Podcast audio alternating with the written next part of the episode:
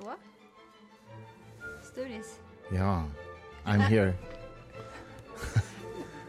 Are you there? Här är jag.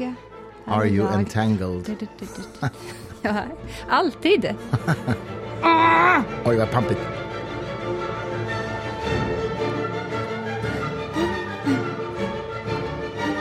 Alltså Beethoven.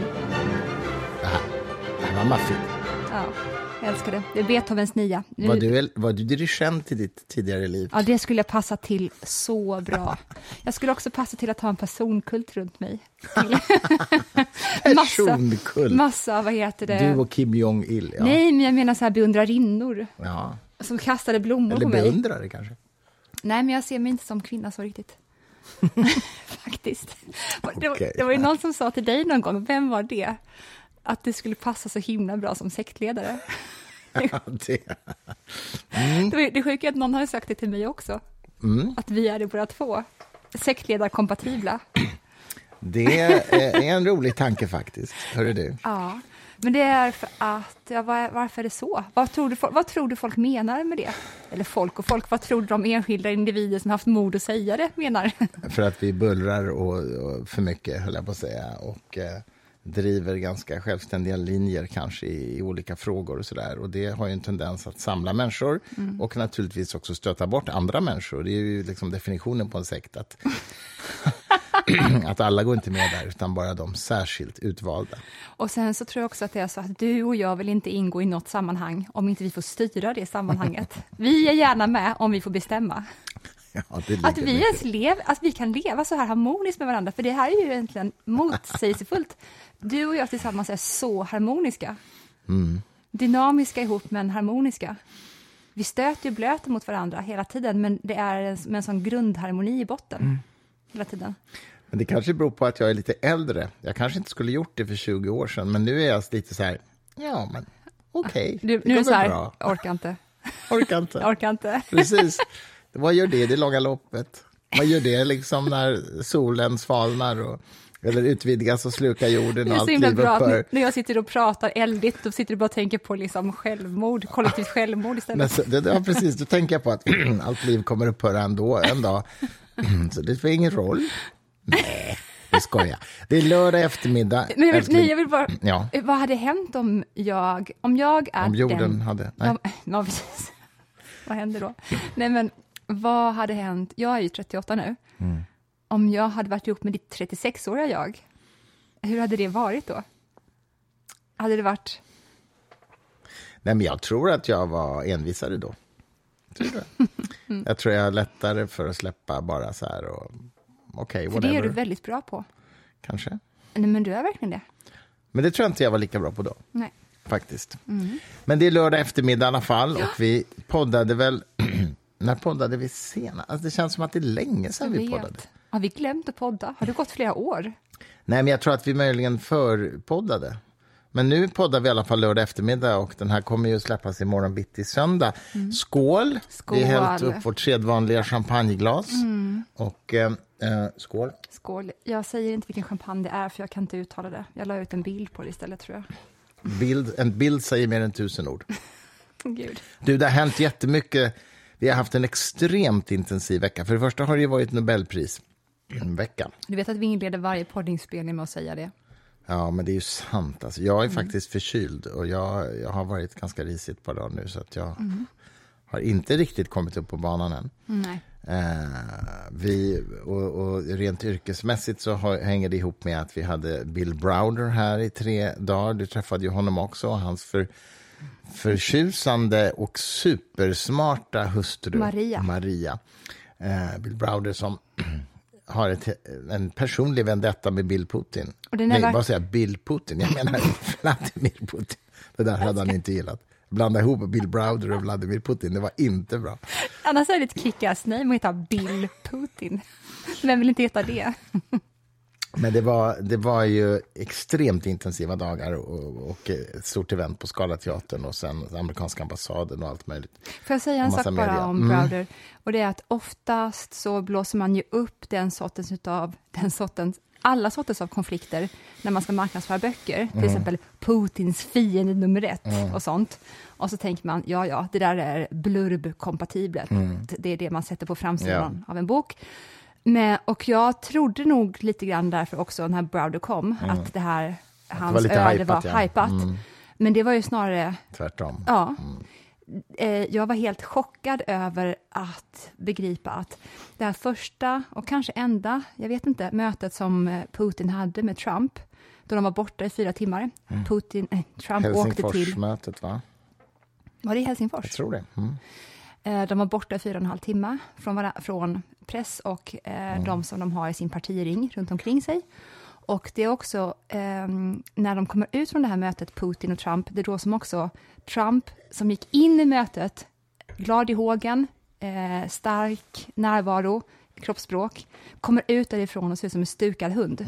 Han ser helt undergiven ut. Eh, och det är då som de då också annonserar att eh, Putin är beredd att lämna ut 15 amerikanska politiska fångar mot att USA lämnar tillbaka en enda man till Ryssland, som då befinner sig i USA, och det är Browder.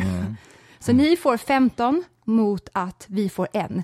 Där kan man ju tänka att det är himla tur att det inte är utilitarism som alltid råder. Det kan man lugnt säga. Det- Det kan man lugnt säga. Mm. Eh, precis, och de, Putin skulle inte kallat de amerikanerna för politiska fångar, men det är, det är omvärlden precis som gör vad det. de är. Ja, de är ju det, precis.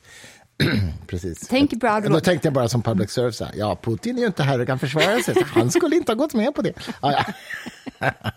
Vad hände med de där andra politiska fångarna sen? Det vet vi inte. Nej, jag vet, jag vet inte Ja, vilka som det gick säkert inte tipptopp i alla fall. Men, men Putin ville i alla fall få Browder utlämnad och, och Trump var ju Det var, det, var den positiv. en, det var den enda till en början som han hade på sin önskelista. Och Trump uttryckte sig positivt om det. Exakt. Mm. Och han fortsatte att uttrycka sig positivt om det. Han sa inte nej, utan det är snarare vi är öppen för det här fantastiskt generösa erbjudandet. Browder sitter då samtidigt i Aspen, är på väg att skriva sin bok. Mm. Han har stängt av sin mobiltelefon för att han ska koncentrera sig.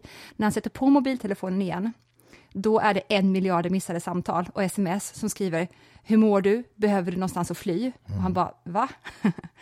och då förstår han att hans namn har nämnts på tv, Mm. sätter på då det här i efterhand och ser det här hända. Att det är det, men det är erbjudandet absurt. som Trump just nu bejakar, utelämnar honom till Sovjet och då är det ju lika med döden. Alltså, han har ju stridit mot, Trump, eller mot Putin i 15 år. Han sa ju för sig själv nu när han var i Stockholm att han nog inte är Putins fiende nummer ett. För det är Zelensky nu.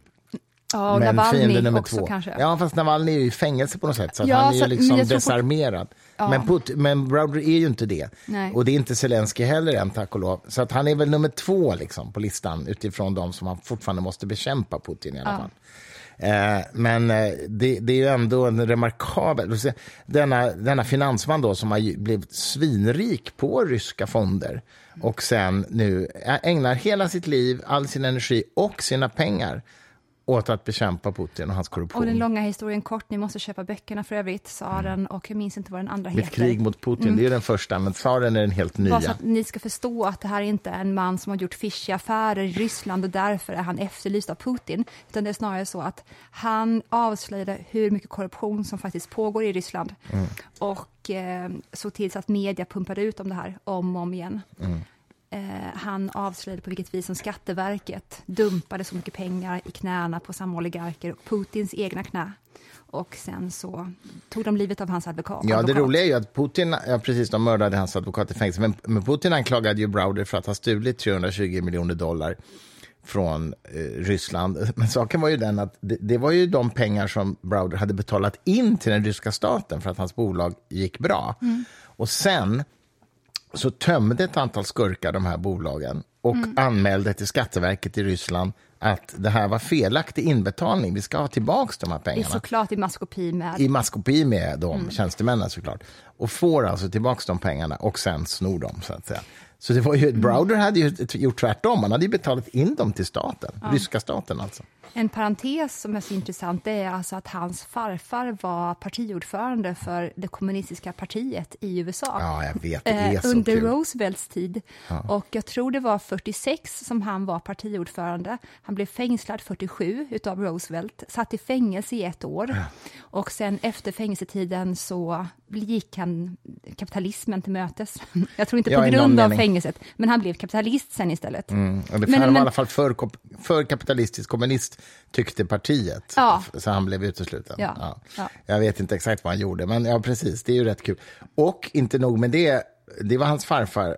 Bill Brothers pappa var ju en framstående matematiker som fick faktiskt sån här National Science Medal i matematik utav Clinton, förmodar jag att det var. Och jobbade för Oppenheimer.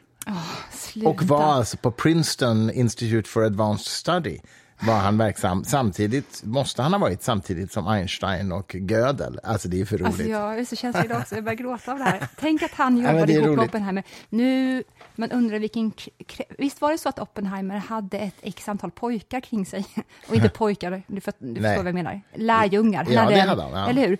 Och det, i den kretsen så ingick det också ehm, människor med komplicerad bakgrund, det vill säga tyskar, eller hur? Mm, Som hade kommit undan då från andra världskrigets Centraleuropa. Och, Mm, även sådana som hade tjänat nazisterna. Eller hur? Men som var vetenskapsmän i första hand kan man nog säga ändå. Vad blev det av Heisenberg efter andra världskriget? Jag minns inte det. Nej, jag minns faktiskt inte heller det, ärligt talat. För jag har så dåligt minne. Jag vet inte. Nej. Tror att han överlevde det i alla fall. Jo, men det vet jag att han gjorde. Men det är också Därför lite kul när Browder säger så här, som ung då, så säger han så här att ja, min pappa blev kommunistledare i kapitalismens USA, så då ska jag bli liksom kapitalistledare i, i Sovjetunionen, eller Ryssland då som det var. Så liksom så här, tvärtom. Omvänt, en spegling. Ja. Väldigt vackert. Men du, det har ju varit Nobelvecka också. Det, vi måste ändå säga någonting om det. Ja, gratulerar Christer Thunmark. Ja, gratulerar Fitanke framför allt. Ja, det är otroligt kul. Svante Pääbo, Det är ju inte klokt. Nobelpriset i medicin. Er författare. är vår Vilka författare. böcker har ni släppt av honom? Ja, det är bara en. Han har bara skrivit en bok och den, den, den gav Den vi ut för flera år sedan och ger ut nu igen förstås i en slags eh, Nobelutgåva så att säga. Mm. Men eh, ja, eh, Svante Pääbo är en otroligt fascinerande person. Jag träffade honom en hel del då när vi gav ut boken. Då var han ju så att säga bara inom citationstecken en framgångsrik forskare bland många andra. Men nu är han alltså årets Nobelpristagare och han har ju alltså upptäckt eller lyckats kartlägga neandertalmänniskans kompletta genom, alltså kompletta DNA-kedja. Och, och i den processen, det i sig kanske inte kommer till mänsklighetens nytta i så stor praktisk mening, men i den processen har han utvecklat verktyg för att eh, analysera DNA som inte fanns förut. Eh, dels då analysera så att säga, kontaminerat DNA och DNA som är gammalt av lätt insedda skäl och så vidare, så vidare för att kunna göra detta. Och det kan ju ha en jäkla massa eh, kon- konsekvenser. Det kan det, men man tror ju också att det är så att beroende på vilken fördelning av gener du har mellan Homo sapien och neandertalare, då reagerar du också annorlunda på x antal sjukdomar. Ja, ja, Så absolut. Man kan redan i förhand se då att du är känslig för de här sakerna, därför ska vi nu boosta dig med de här. Mm. Ja, just det. Det är ju också en konsekvens av hans upptäckt. Därför att han kunde ju då mappa hela neandertal-DNA och så kunde han då se att vissa människor har spår av neandertal-DNA. Så, så bland annat kunde han konstatera att neandertalare och Homo sapiens har parat sig med varandra innan de dö- dog ut. Vilket också då, vad heter det, Hara- Harari skrev om. Ja, men det, är- det är på grund av Pebos upptäckt. Så att Ja, det måste det vara. Ja, ja, det är garanterat. för det visste för man inte innan. det- mm. Och vad heter det? Och det roliga är ju att man också upptäckte då, konstaterade då att detta måste ha skett efter att Homo sapiens utvandrade från Afrika. Mm. Så att afrikaner är ju de enda renrasiga på jorden. Mm-hmm. Alla andra är uppblandade med neandertalmänniskor. Ja. Sen, inte nog med det, eh, Pääbo upptäckte ju också en tredje människoart som man inte fann, kände till att den existerade överhuvudtaget. Otäckt. Denisova-människan tror jag den heter. Vad var det för egenskaper eller fysiska attribut som utmärkte den? Ja, det har jag ingen aning jag om. vet att när Harari skrev eh, Sapiens, då pratade han om fem olika sorter människor. Den läskigaste av dem var det här dvärgfolket. Ja, just det. Mm. What the fuck? Mm. Nej, men visst, jag vet. Det, är Det får mig osökt att tänka på eh, såklart Sagan om ringen och jättarna. För att en annan sort Och som... hoberna, ja. En, ja, eh, precis. Och hoberna, precis. Mm. För att eh, eh, jättarna är vad Harari också skriver om med hjälp av Pebbles, säkert research, I suppose. Eh, men jag tänker också på alla myter som finns allt ifrån Gamla Testamentet till hur man mytologiskt förklarar Englands Mm. ursprung. Eh, när till exempel Caesar åker till Britannia, du vet att Caesar var den som man tror i alla fall var den första från Sydeuropa som inom citationstecken upptäckte den här ön. Ja, just det. Mm. Mm. Och då så påstods det att det fanns jättar där. Och inom folkmyterna så höll man på och fortsatte att berätta de här historierna om jättarna som levde på ön lång, för, i en annan tid, för lång, lång tid sedan. Och i Gamla Testamentet så pratar man då om de här, på den tiden fanns det jättar. och det ser vi bara som sagor idag. Vem vet? Ja, men vem vet? Neandertalarna var ju ungefär lika stora som vi, men möjligen lite grövre och kraftigare. Så att det kan, Men ifall klart- de andra var jättesmå, Ja, ja det, det fanns ju en ytterligare en variant som var små. Ja. Ja, precis. De Så kan ha upplevt förstås att de var jättar. Ja, visst. Ja, och så visst. berättas det här med, med muntlig tradition vidare och vidare och så blir det väl någonting som man inte kan relatera till till slut. Man förstår bara att okej, förr fanns det stora människor Ja. utan att begripa att de kanske var lika stora som jag själv. Nej, nej, nej men absolut. Men alltså det häftiga är ju också, neandertalarna tror man ju dog ut för ungefär 40 000 år sedan, det är ändå rätt länge sedan. Men den här Denisova-människan tror man levde parallellt med oss ända fram till för 15 000 år sedan. Och det är ju inte så länge sedan. Ända fram till för 15 år sedan. 15 000 år sedan. Det är, det är inte jättenyss. Det är ganska nyss liksom. Det är otroligt I, nyss I faktiskt. evolutionens perspektiv. Så, så Det det, är ett det ögonblick. Ja. Jag Det är dör, det. Mm. vad läskigt. Jag tänker vad som överhuvudtaget gör att man kan relatera till. För, jo, men man säger att ungefär 30 000 år, för, 30 000 år sedan Mm. så finns det grottmålningar och det är de som finns i Frankrike där eh, folk, folk avbildade som jagar med spjut och sånt. Är det av- 30 000? Ja, 30 000. Wow. Mm. Och hon Venus från Melfi, Venus av Melfi, jag minns inte vad hon heter, hon tror jag är 12 eller 13 000 år gammal. Och det är alltså en liten tjock kvinna som har... Ja, ja, just det, den lilla statyn. Ja. Ja, precis. Men du, vi måste ju ändå säga någonting om det andra underbara Nobelpriset i fysik som ju gick till Clauser, Alain Aspect och eh, Anton Zeilinger för forskningen på sammanflätade partiklar. Ja. Entanglement, eh, kvantfysik. Det största mysteriet i naturen som vi vet idag. Eh, och det är ju så himla kul. Vi har ju också honom, vi kommer med en bok av honom och framförallt så kommer vi med en bok om kvantfysik ganska snart, om bara om ett par veckor. Men och det är ju lite kul, för både Peb och Seilingen har jag ju flera år sagt, det vet ju du, sagt de här kommer ju få Nobelpriset, det var en tidsfråga. Och nu fick de det samma år båda två. Det. Ja, det här är verkligen... Vem, varför får inte du Jackpot. pengar? Alltså, att du har slagit val på något vis. Ja, jag borde gjort det. Men, men eh, det är så häftigt. Alltså. Sammanflätning av kvantpartiklar. Det är alltså två partiklar som kan vara hur långt som helst ifrån varandra i universum. Ändå är sammanlänkande länkade på något sätt. Och det kan man visa experimentellt. Det har alltså Seilinger eh, visat bland annat. Ehm, Det spelar ingen roll hur långt Nej. ifrån varandra de är överhuvudtaget. Det, det du gör med en av dem görs på distans med Ja, en, påverkar. an, den andra utav dem, eller påverkar. Ja, påverkar. Man kan säga att de är ett och samma objekt i någon mening, trots att de är på olika ställen. Eh, de är... Och man vet ja, om att det, man vet att det inte finns någon information som sänds mellan dem. Ja, Det vet man. man ja för, det, ja, för att man kan vem? sära på dem så att, så att de är så långt ifrån varandra så att en sån information skulle kräva att det gick fortare än ljuset. Och det går inte. Och det går inte. Nej. Och det, det är man så att säga, säker på. Ja. Och, det, och man vet också att de inte kan ha fått några instruktioner i förväg, så att säga. När de kopplar, för man måste koppla ihop dem innan man separerar dem på ett speciellt sätt. Det kallas för entanglement. Och man skulle teoretiskt sett kunna tänka sig att de då får en slags information.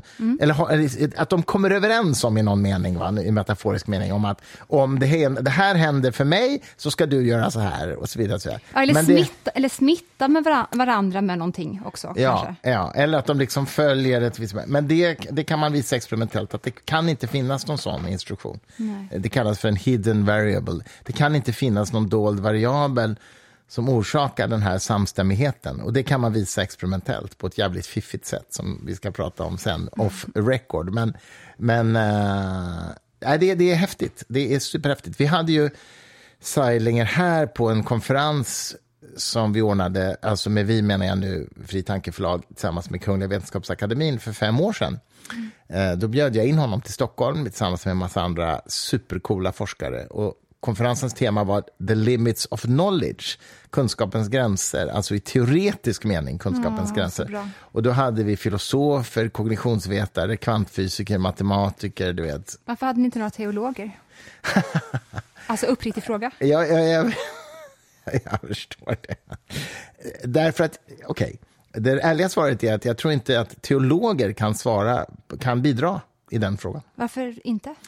Därför att de här... är utbildade inom filosofi. De, de, de besitter en enorm ja, kunskapsbank. Men, ja, men då, jo, jo, men då skulle de ju vara inbjudna i egenskap av filosofer i sådana fall. Nej, men jag menar, att... teologin som ämne tror jag inte kan bidra till det. Jag tror men du har rätt i att teologer att, skulle kunna bidra, jag, men inte teologi. Jag, tror jag. Jag tror att det teologiska eh, tar anspråk på ett annat sann, sanningsbegrepp mm. än vad de flesta fysiker eller matematiker relaterar till vad sanning är för någonting. Mm. Alltså sanningsbeg- det kanske hade varit bra med en mångfald inom vad sanningsbegreppet ska vara för någonting. Um, nej, det tycker jag inte, därför att... Därför att uh, där... För att du är så här, sanning, ja, det kunskapsteoretiska svaret på vad sanning är för någonting är det här. Man bara, men jag... tänk om vi inte väljer det kunskapsteoretiska? Ja, fast jag skulle säga att om vi, om vi pratar om naturvetenskap, för det här var ju inte ett humaniora-seminarium, eller ah. Okay. Då finns det bara ett sanningsbegrepp, skulle jag säga. Det var bara the, lim the, limits of knowledge. Det var bara den rubriken som gjorde ja. att jag tänkte, vad underbart det hade varit om det varit någon form av ja, jo, troende människa ja, där. Men jag fattar. Och, och jag är ju med dig så långt så att om man pratar humaniora så kan man ju tala om olika tolkningar och så vidare. Och så vidare. Men här pratade vi om the limits of knowledge när det gäller verklighetens beskaffenhet och matematiken, fysiken, eh, alltså den typen av empiriska frågor. Och mm -hmm. då finns det bara ett sanningsbegrepp, hävdar jag. Ja, det jag är beredd att ta en diskussion om det, men det hävdar jag och vidhåller. Och därför så eh, tycker jag inte teologi har någon plats i det. Men du har ju rätt i att det kan finnas teologer som är väldigt bildade filosofer. Och då, det, det, kan ju vara intressant. Jag håller med dig ifall det bara centreras kring den mm. naturvetenskapliga mm. metoden, egentligen. Kan man ens säga den naturvetenskapliga metoden? Ja, eller... Mm, ja, fast vi var ju lite bredare än så, än i och för sig Matematik är ju inte en naturvetenskaplig metod, för matematiken är ju inte empirisk eh, i och för sig. Ja, jag, tycker, jag, tycker att du behöver, jag tycker att du behöver fundera över det där. det tycker du? Ja, det tycker jag verkligen. Hur har du haft det då i veckan? Tackar som frågar, jättebra.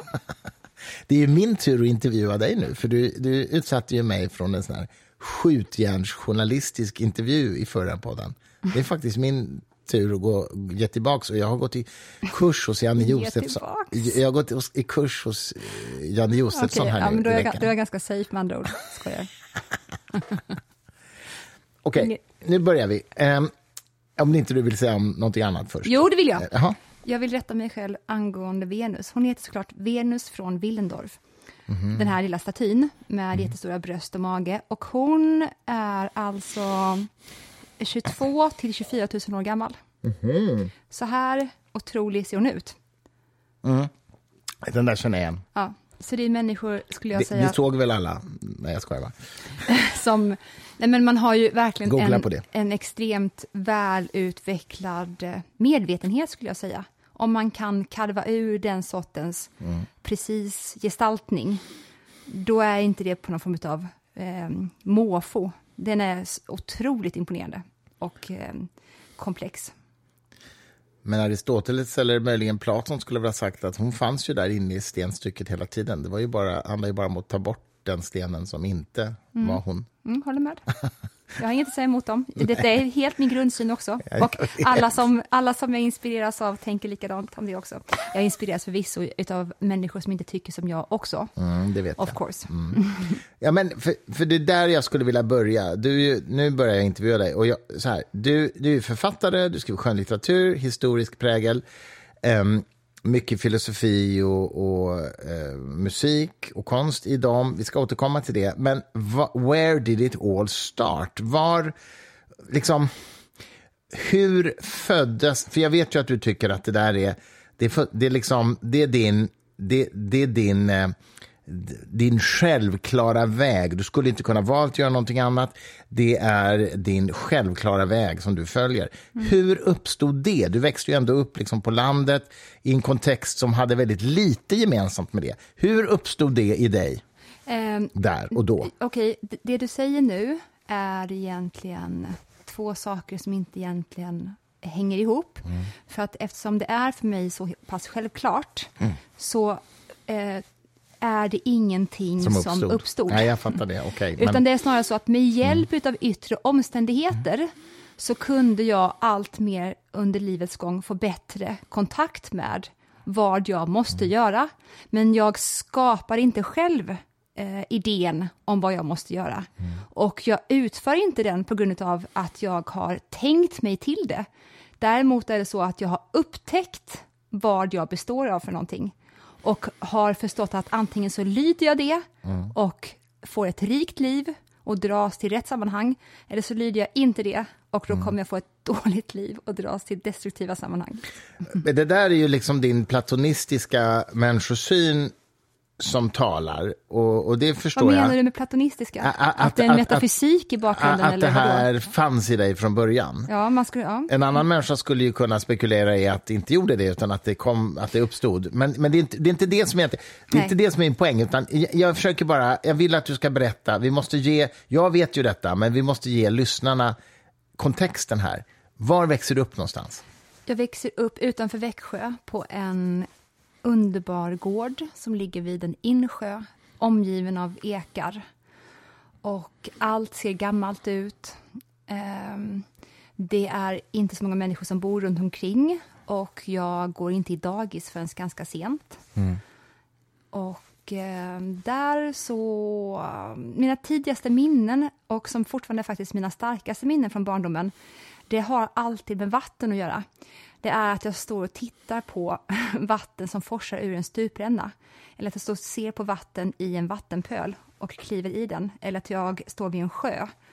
Ehm, jag kan nästan få en kroppslig eh, känsla, muskelminne av de här vattenbilderna från att jag är liten. Ehm, ja. Dina föräldrar föder upp hästar? Ja, precis. Dressyrhästar. De... På en hästgård kan man säga växer du upp? Ja, precis.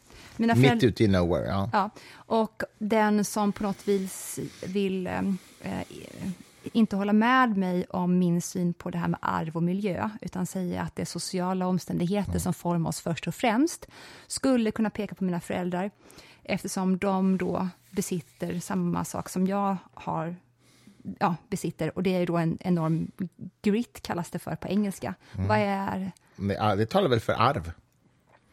Vad sa du? Det talar ju för arv. Eller skulle också kunna tala för social konstruktion, eftersom jag växte upp runt dem då. Och ja, därmed ja, formas jag utav dem. Ja, mm. Så att de har en, då en otrolig målmedvetenhet och de är, har en väldig strävan och bestämdhet och det finns liksom ingenting som kan stoppa dem. Mm. De, eh, de har heltidsjobb samtidigt, de har två små barn och samtidigt som föder de upp dressyrhästar med jättedyra avels, eh, vad det nu kallas för, mm. från Frankrike och Tyskland och lyckas på ett sätt som eh, jag tror inte folk begriper hur... Det var såna små odds att de skulle lyckas så bra mm. som de gjorde. Mm. Men det var att de var så bestämda tillsammans. Mm. De, klarade liksom, de klarade allt tillsammans. Samtidigt som de sköter två, vad ska vi säga, vanliga jobb. Ja, eh, exakt. Så att säga, vid Precis. om detta. Så jag är verkligen uppväxt med att man jobbar. Mm. Man och jobbar... de jobbar inte akademiskt? Nej, nej, nej, och det gjorde ingen där. Och nej. jag tror inte folk gör det där än fortfarande. Utan det man gör där i, alltså den här lilla byn ligger utanför Rottne. Mm. Rottne ligger utanför Växjö. Rottne, och byn heter? Eh, Löparnäs mm. heter byn. Eh, den här lilla eh, samhället då som Löparnäs ligger utanför är känt för att The Ark kommer därifrån mm. och Mattias Karlsson kommer därifrån. Mm. SD Mattias. Exakt. Mm. Eh, och där gick jag då i skola. Mm. Men alla eh, som jag kände och som umgicks med när jag var liten, de hade föräldrar som jobbade med händerna. Mm. Och man pratade alltid om vad man ska jobba med när man har gått ut gymnasiet. Eh, vad som kan ge en fast anställning direkt. Det, det, det var liksom det finaste som fanns, det var en fast anställning. Det pratades aldrig om... Mina föräldrar var alltid, från, från att jag var liten, eh, de har alltid backat mig vad jag än ville studera eller vilka vägar jag än har valt. Men i, hos syokonsulenterna, eller lärarna, då var det fast anställning som var liksom det finaste man kunde få. Och där växer du upp med en storebror.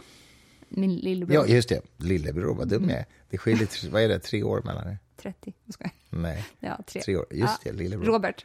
Robert. Eh, Vi har film, ja precis. Vi, har, vi älskar film båda två. Vi, kan, vi citerar filmer Ja. ofta. Och, du, och, och så går du i skolan där i en liten, liten lantskola kan man väl säga. Mm. Och hur går det då, tycker du?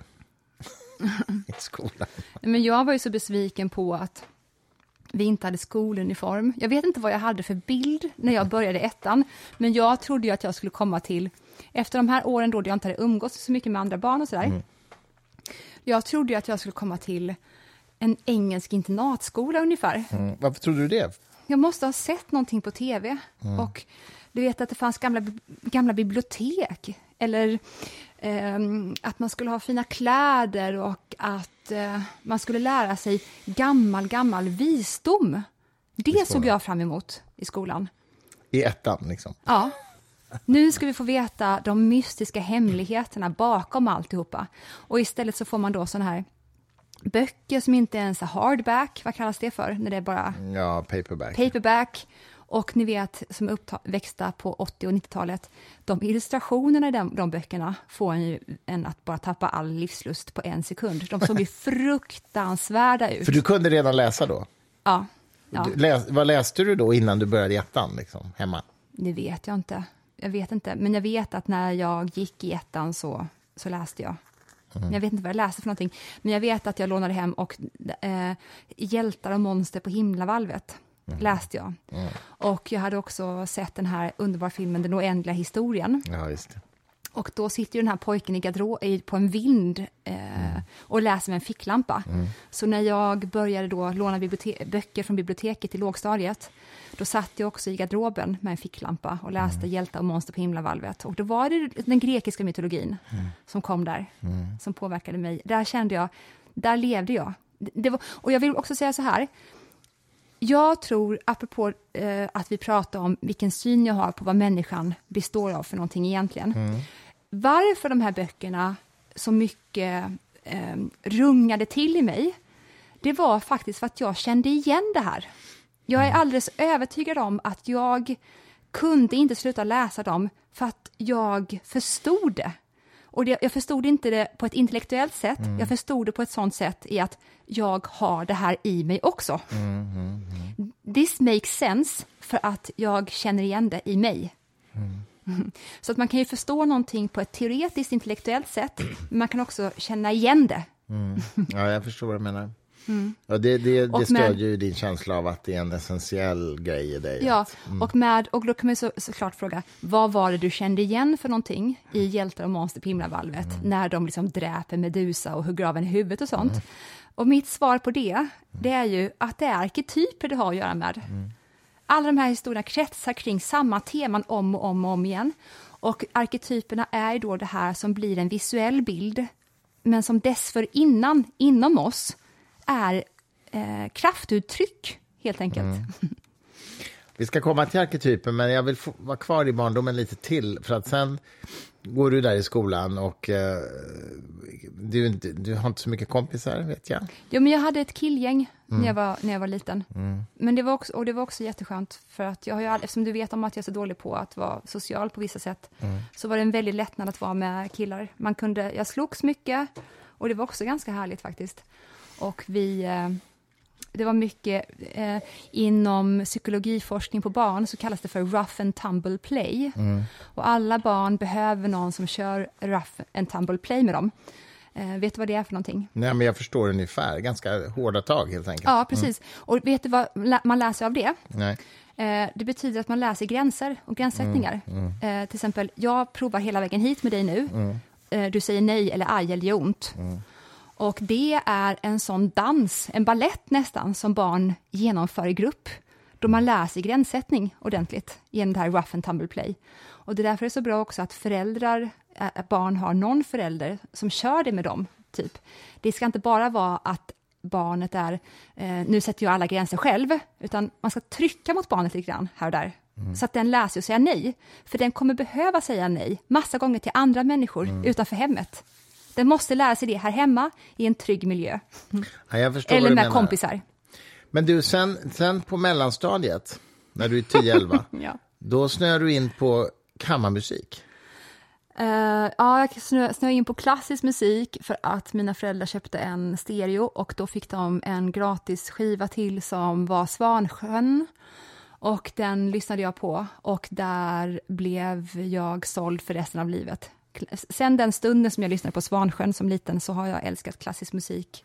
Jag vet att din mamma har berättat att hon skjutsade dig varje vecka till Växjö mm. för att gå på Kammarmusikorkesterns konserter. Mm. Då var mm. du tio, eller? Nej, då var jag äldre. Då hade jag börjat i, jag var, jag, i Leos ålder, i sjuan. I sjuan gick du mm. då? Och började skri försöka skriva Ja, det gjorde jag så småningom sen. Då kanske jag gick i nian. Mm. Då så eh, laddade jag hem notprogram och försökte då skriva kammarorkester, eller musik för kammarorkester själv. För klassisk musik spelar ju en jättestor roll i ditt skrivande idag också. Men det var där det, det, var där det, det intresset liksom började. Mm. Mm. Men sen släppte du musiken och, och fokuserade på skrivandet. När hände det? Liksom? För du hade ju kunnat välja, du hade ju kunnat välja en, eh, en, en mus musikerväg. Nej, det kan man inte göra. För att ifall man har, det är en sån himla svensk inställning det där. Att man kan bli vad som helst ganska långt ut, mm. upp i livet. Okay. Nej, det kan man inte. Okay. Du har några få ögonblick på dig när du är barn. Och eh, visst, det finns väl de då som har en otrolig extraordinär talang som klarar av det om de ger sig fan på det när de är 12 och 13. Men även då är det piss för sent, helt ärligt. Mm. Eh, så att det, blir en kul hobby för många om du mm. kommer på någonting i tonåren framöver. Mm. Men du kommer inte bli excellent på det. Men när, när stod det klart för dig att det var skrivande då som var din grej i livet? Eh, jag förstod att jag inte kunde undvika det längre när jag gick och studerade historia, eller var det konstvetenskap? Något av dem i alla fall. I då Stockholm? Det, ja. För då hade du flyttat till Stockholm? -mm. Och försörjde dig på... Jag har så svårt för det kronologiska. Jag ja, får, ja, det nej, kryper det i mig just nu. Så, varför måste vi köra kronologiskt? Kan vi inte hoppa? Alltså jag får panik. nej, men jag, varför vill man ha det så här kronologiskt? För att det här handlar Släpp ju om att våra mig. lyssnare ska få förstå var du kommer ifrån. Och du tror alltså att folk förstår det bättre genom att köra det kronologiskt? Ja, det tror jag. För jag tror att det blir för rörigt annars om man lyssnar. Det vet men vi är snart framme vid nutid. Men Nej. bara kort då. Du eh, försörjde dig som modestylist under tiden du pluggade i alla mm. fall. Nej, efter jag okay. pluggade. Mm, det var ju då som jag, jag, jag fattade att det skulle ta forever att lära mig hantverket att skriva. Mm. Och till skillnad då från musik, eller matematik faktiskt, mm. så är det faktiskt fullt möjligt att bli författare, fast man ger sig fan på det när man är 21. Det går. Mm. Uh, så du studerade målare, själv? Målare går också. Men du studerade själv massa dramaturgi och sånt? Jag är besatt av dramaturgi. Vill, om ni skriver där ute och vill ha tips på vad man ska se eller lyssna på för någonting som finns på nätet. Mm. Eh, jag har en enorm bank utav det bästa. Så bara skicka ett DM i så fall. Okej, okay, men sen blev det skrivande helt enkelt som är, är ditt fokus. Och vad är då... Vad, vad vilar du i när du skriver? För du, du skapar ju ganska mörka familjedramer som utspelar sig på 30-talet. Vad vilar du i när du skriver detta? Eh, jag vet ju att du har sagt i olika intervjuer på Bokmässan och sådär att du, du, vill, du vill skildra människors individuationsprocess eller förändringsprocess i, från i början till slutet av romanen. så att säga. Mm. Ondskefulla karaktärer kan... Nej, men ingen är ju gå... bara ondskefull. Nej. Och det är det som jag... du vill skildra den processen, eller hur? Ja, och, och jag vill... Det finns okej, okay, det finns kanske några människor som jag har träffat i mitt liv där jag tänker, har den här människan ingen skuggsida alls? Mm. Eh, bland annat min faktiskt eh, norska förlagschef. okay. hon är fantastisk. Men eh, annars är det ju så att det är en sån naiv tanke om att människor är bra eller dåliga, eller att en person som man litade mycket på visar upp en eh, kanske till och med frånstötande sida och då tror man att aha, mm. där visar hon sitt rätta ansikte. Mm. Så är det inte. Vi bär alla på vidrigheter av olika sorter. Mm. Och eh, de människorna som blir de godaste människorna, eller lever godast, det är de som snarare har lärt sig att hantera det. Men att inte titta på vad vi har inom oss för någonting är det farligaste tror jag som finns, för då blir det bara att vi ser fienden i andra hela mm, tiden. Mm. Och det är, eh, den, det är verkligen det tidevarvet som vi lever i nu, mm. när eh, man skriker från olika grupper till varandra, eh, ni är det farligaste som finns, mm. eh, ni förstör vårt samhälle, ni nedmonterar väst och sådana saker. Mm, mm. Och det finns ingen, ingen självreflektion eller tendens till det. Eller um, stund för analys. Därför att ofta är det så att vi vill uppnå ganska lika saker i livet, alla människor. Det är bara det vi har inte koll på när vi använder oss av um, destruktiva verktyg för att nå dit. Mm. Vi, vi ljuger oss för, för, oss själva och säger att de till och med är goda, de här verktygen kanske. Mm. Så att jag vill då visa människor som eh, gör hemska saker, men de kanske gör det av jättegoda anledningar, i deras universa och ute efter deras moraliska system till och med. Mm. Och jag vill visa människor som har väldigt goda eh, anspråk, men som på grund av till exempel att de inte vågar möta mörkret i sig själva, så blir det fruktansvärt dåligt för väldigt många. Och eh, jag menar, man tror ju lätt att de människorna som eh, är de värnaste är de mest passiva. Det vill säga att, eh, om, titta, hon, hon viker åt sidan hela tiden, eller eh, hon lyssnar bara, till exempel. Man, man har lätt för att registrera det som goda attribut. Mm. Men det kanske är bland det farligaste man kan göra samtidigt, mm. utefter situation det kanske är livsfarligt att bara vara passiv ibland mm. och bara vara bejakande ibland. Det kanske är eh, det sämsta alternativet för väldigt många människor. Mm. Man kanske måste agera. för jag vet ju att du i det här förhållningssättet du har till individen så, ju, så spelar ju Jung en stor roll. Mm. Jung, Carl Gustav Jung, en stor roll i ditt liv. Mm. Eller ditt sätt att tänka kring mm, det här menar jag. När kom han in i ditt liv och på vilket sätt spelar han en roll? Alltså ganska sent egentligen. Han kom in i mitt liv nästan samtidigt som jag blev väldigt intresserad av zenbuddism. Mm.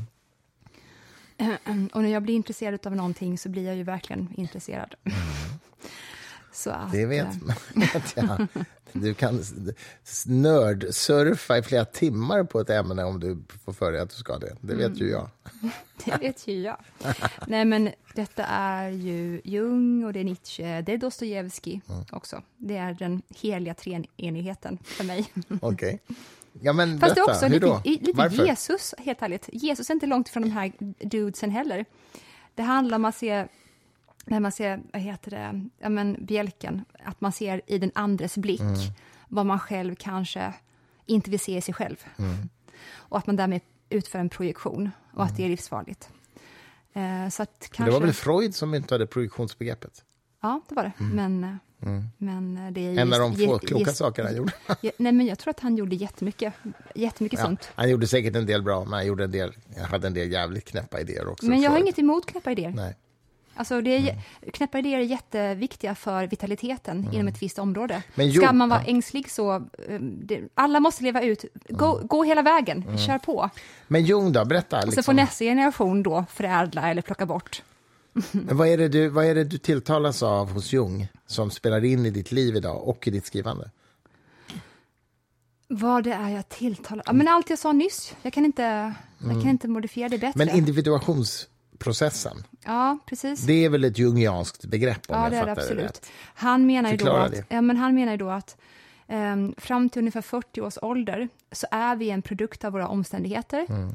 Vi uh, lever på det sättet som våra föräldrar vill, på vilket sätt som samhället önskar av oss.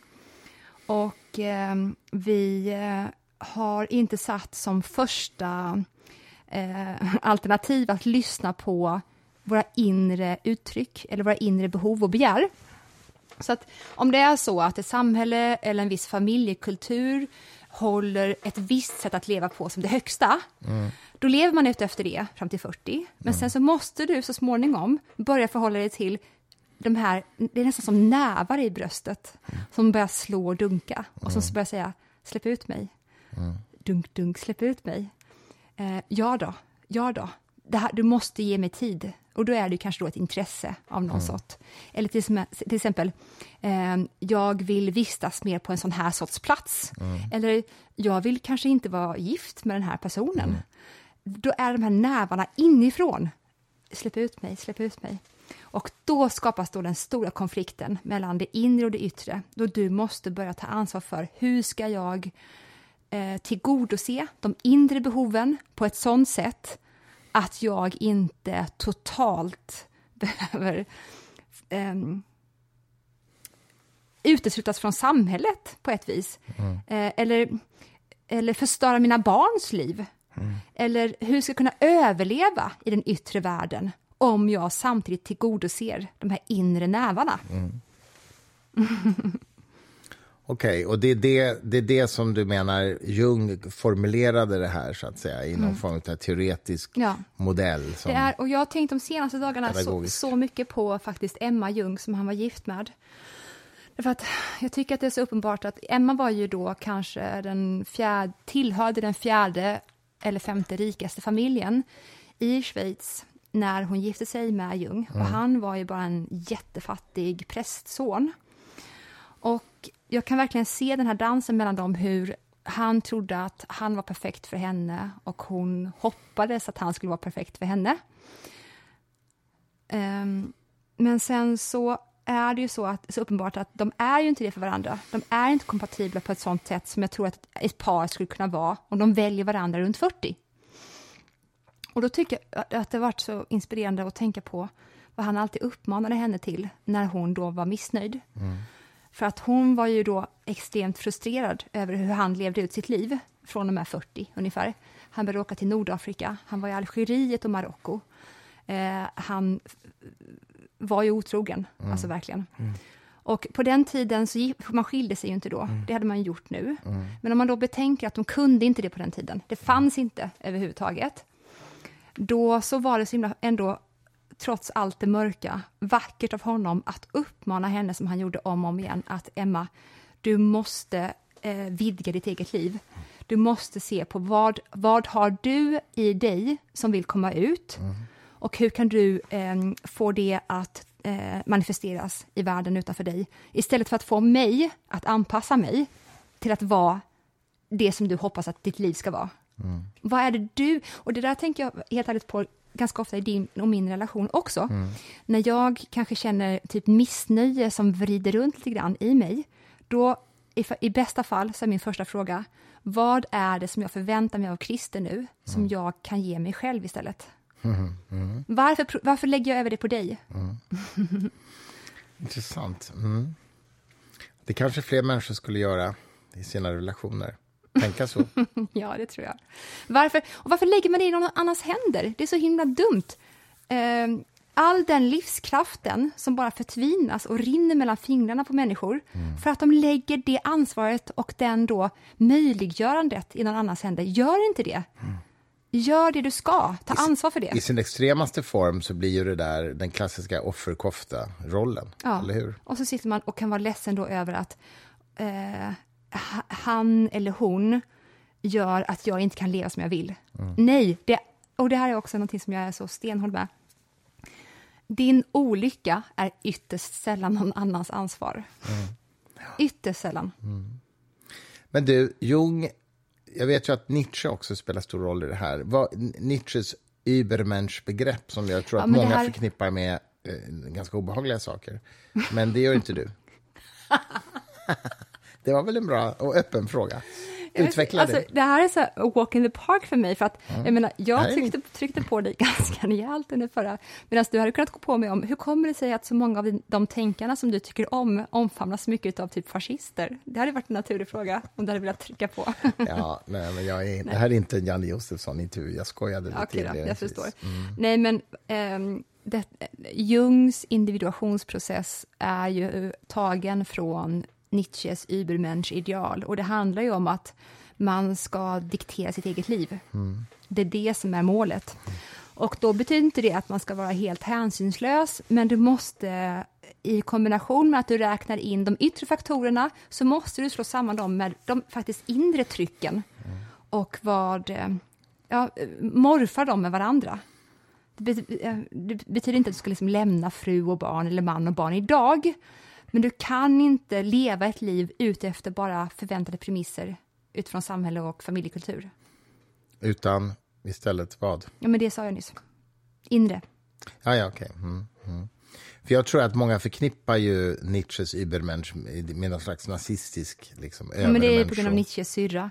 Hon, mm. hon, tog, hon tog hand om honom efter slaganfallet eller om det var syfilis, man vet inte det än, i Turin eh, 1891 och eh, visade upp honom mot betalning Man fick hon alltså, var ju nazist däremot. Hon var su ja, nej, jag, man kan inte säga Eller, nej, nazist. Nej, för det fanns inte då, men hon var i alla fall antisemit. Och... Nazismen använde sig av henne, ja. and for a reason. Ja. ja, exakt. Till skillnad från just Nietzsche, därför att han var ju inte antisemit och inte nationalist. Nej, det blir bara himla synd om Nietzsche att eh, han dels då myntade eh, Übermensch-begreppet, vilket då verkligen kan utnyttjas av den tidens antisemitism eller nazism, mm. så småningom då. Mm. Och att han då hade som en tidig fadersförebild Wagner, som mm. ju absolut var uttalad antisemit. Mm. Och att Nietzsches syrra då fortfarande höll kontakten med Cosima Wagner eh, efter att Nietzsche zonade ut, så att säga. Zoomade ut, kan man kalla det. ja. Men du, zenbuddismen kom in i ditt liv också. Jag ska, vi ska avrunda, men jag vill ändå inte hoppa över det. Nej, men jag kan inte prata om det. Är det verkligen kul? Nej, men det, det är ja, det. nej, okej, det får du avgöra. Men jag tycker ändå din ditt intresse för kontemplation och den... Liksom... Okej, okay, det kan jag prata om. Det tycker jag är kul. Ja, men det är, det är ju zen-buddhismen. Det, det, hänger ju ihop, eller hur? Mm. Och du använder ju den i din skrivarprocess Nej, jag också. gör inte det. Du säger alltid det, men jag gör ju inte det. Nej, det gör du inte det. Okej. Okay. okay. Uh, utveckla.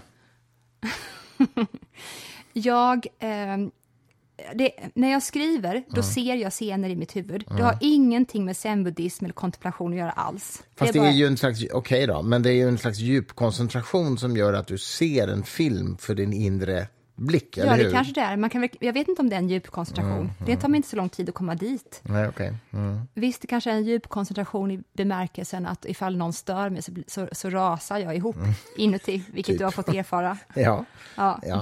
det kallar jag djup koncentration. Men okej, okay, call it whatever you want. Okay. Men... men det har ingenting, alltså, så som jag använder zen-buddhism, eller för den delen kristna mystiker, mm.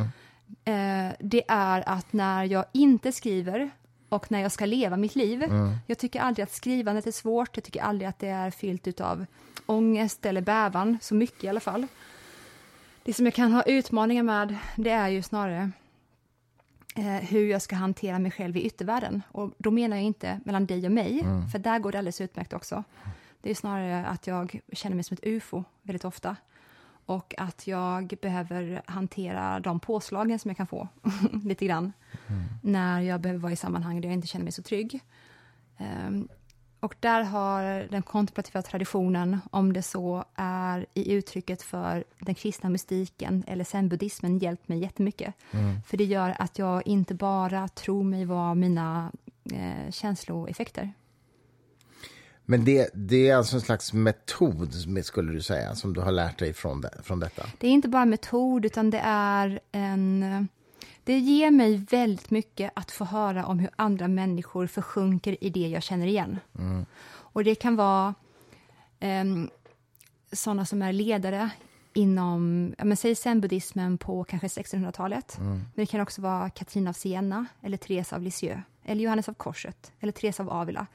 Jag bryr mig inte om nästan någonting på vilket vis de beskriver eller tror sig eh, hur den yttre verkligheten är beskaffad. Mm. Det är helt...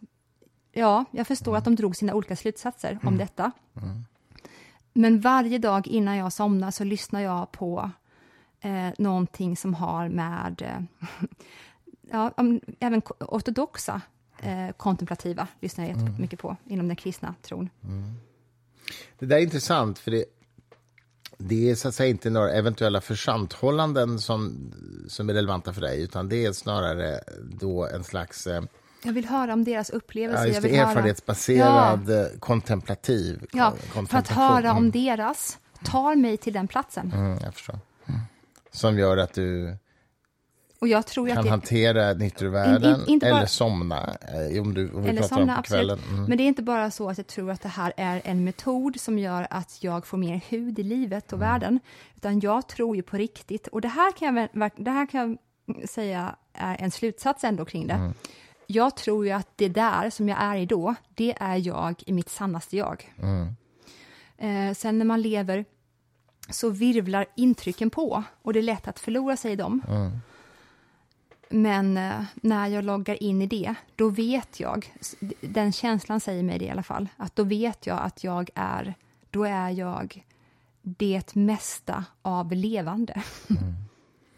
Sen vet jag ju också att du eh, eh, också som ett sätt att somna eh, drar några blixtpartier i schack på chess.com, eller hur? Alltså jag har ju min rutin, du vet när vi lägger oss, då Det- så det lyssnar jag på till. Jungpodden. Oerhört profant, men ändå. Ja, då lyssnar jag på This Jungian Life. Ja. Eh, eller Living Myth är också en jättebra podd som pratar om myterna och vad de berättar om oss psykologiskt. Eh, Living Myth, This Jungian Life. Och sen så spelar jag kanske typ sju, åtta partier med dig bredvid mig. Och sen stänger jag av det så pratar vi lite grann och sen sätter jag på någon mystiker av något slag. I en 20 minuter. Så är det. Så är det. Vad ska du få för mat ikväll? Vi ska äta musslor och pommes frites. Och pommes frites. Vi ska äta musslor och pommes frites. Pommes frites och musslor. Som Jeff, Jacques Brel-sången Ja. Jeff. Du är inte ensam. Du tout seul. Du är inte ensam. Petit seul, Jeff. Eh, Jeff, eh, de går och äter musslor och pommes frites. Han försöker ju få sin kära vän att eh, överge sina självmordstankar. Det är en otroligt sorglig sång. Jeff, Jeff. som ju för övrigt David Bowie plockade både den dramaturgiska melodiska formen ifrån och ehm, textmässigt till han, Bowies låt Rock'n'Roll Suicide. Oh no love, you're not alone, sjunger Mm. Ja, ju bra. Bowie. Och det är precis vad Brel sjunger på franska. Men det kan du hoppas på att vi ska lyssna på när vi lagar mat, men det ska vi inte. Nej. Mm. Jag har som plan att du sitter... Vad ledsen du ut Nej, nej, nej, nej. nej. Vi ska gå och se Bowies dokumentärfilm Vad är det om Bowie på? imorgon, så att jag kommer nog få tillräckligt med Bowie. Jag behöver inte höra på det ikväll. Men det är ändå lite kul, för det är inte så många som vet att Mm. Bowie var extremt inspirerad av Brel. Och just den låten, Jeff, korrelerar med Rock'n'Roll Suicide. Det är mycket bra. Men ja, vad får vi höra Jo, när vi gör mat? Kan du sitta med mig vid köks... Ja. Ja, och sen så lagar jag. Och sen så tänker jag att vi lyssnar på... Mm. Puccini kanske? Puccini? Ja, Sure. vi kanske gör det. Och sen så pratar vi lite ibland. Inte mig emot. Mysigt. Det ska bli jättegott. Och vi har tänt vår kamin här, Mm. Vår som nya brinner kamin. så fint. Men du, jag tror att vi avrundar nu. Ja, jag eh, har intervjuat dig. Det kanske kommer del två, man vet inte. Men, eh, Vet du, jag slänger upp en sån här idé nu faktiskt. mm, shoot. Jag tycker att det vore jättekul om Isabella Lundgren intervjuade oss båda i en parpodd någon gång. Att vi bjuder in henne. Okej, men det, det blir inte parpodd då. Det blir trekantspodd, höll jag på att säga. Nej, men, Jättekonstigt nu. Att hon intervjuar oss Ja, som, ja. att, som ett men par. vi är tre då bara, menar jag. ja, men inte hon ingår ju inte i paret även ifall Nej. hon... Så förlåt Isabella. Alltså, hör, det var inte jag. det var inte jag heller. Okej, nej men ja, sure. Jag har ju tre mickar här, så Isabella kan få vara med. Jag vill, jag, vill, jag vill intervjua Isabella också. Jag läser hennes sms just nu. Men Ja. det kanske inte ska läsa högt. Det ska jag verkligen inte göra. men- Om ni inte lyssnar på Sure. Isabella Lundgren så skärp er genast och gör det nu på Spotify. Mm. Isabella Lundgren, den mest själa djupa jazzsångerskan Sverige eventuellt någonsin besuttit. Ska vi avsluta med henne nu? Det hade varit kul ifall vi kunde få fram en låt då svinfort. Eh, ja, det... Där har jag henne. Vänta, ska vi köra Everything Must Change? Everything must change. Vi avslutar med Isabella Lundgren. Nothing stays the same.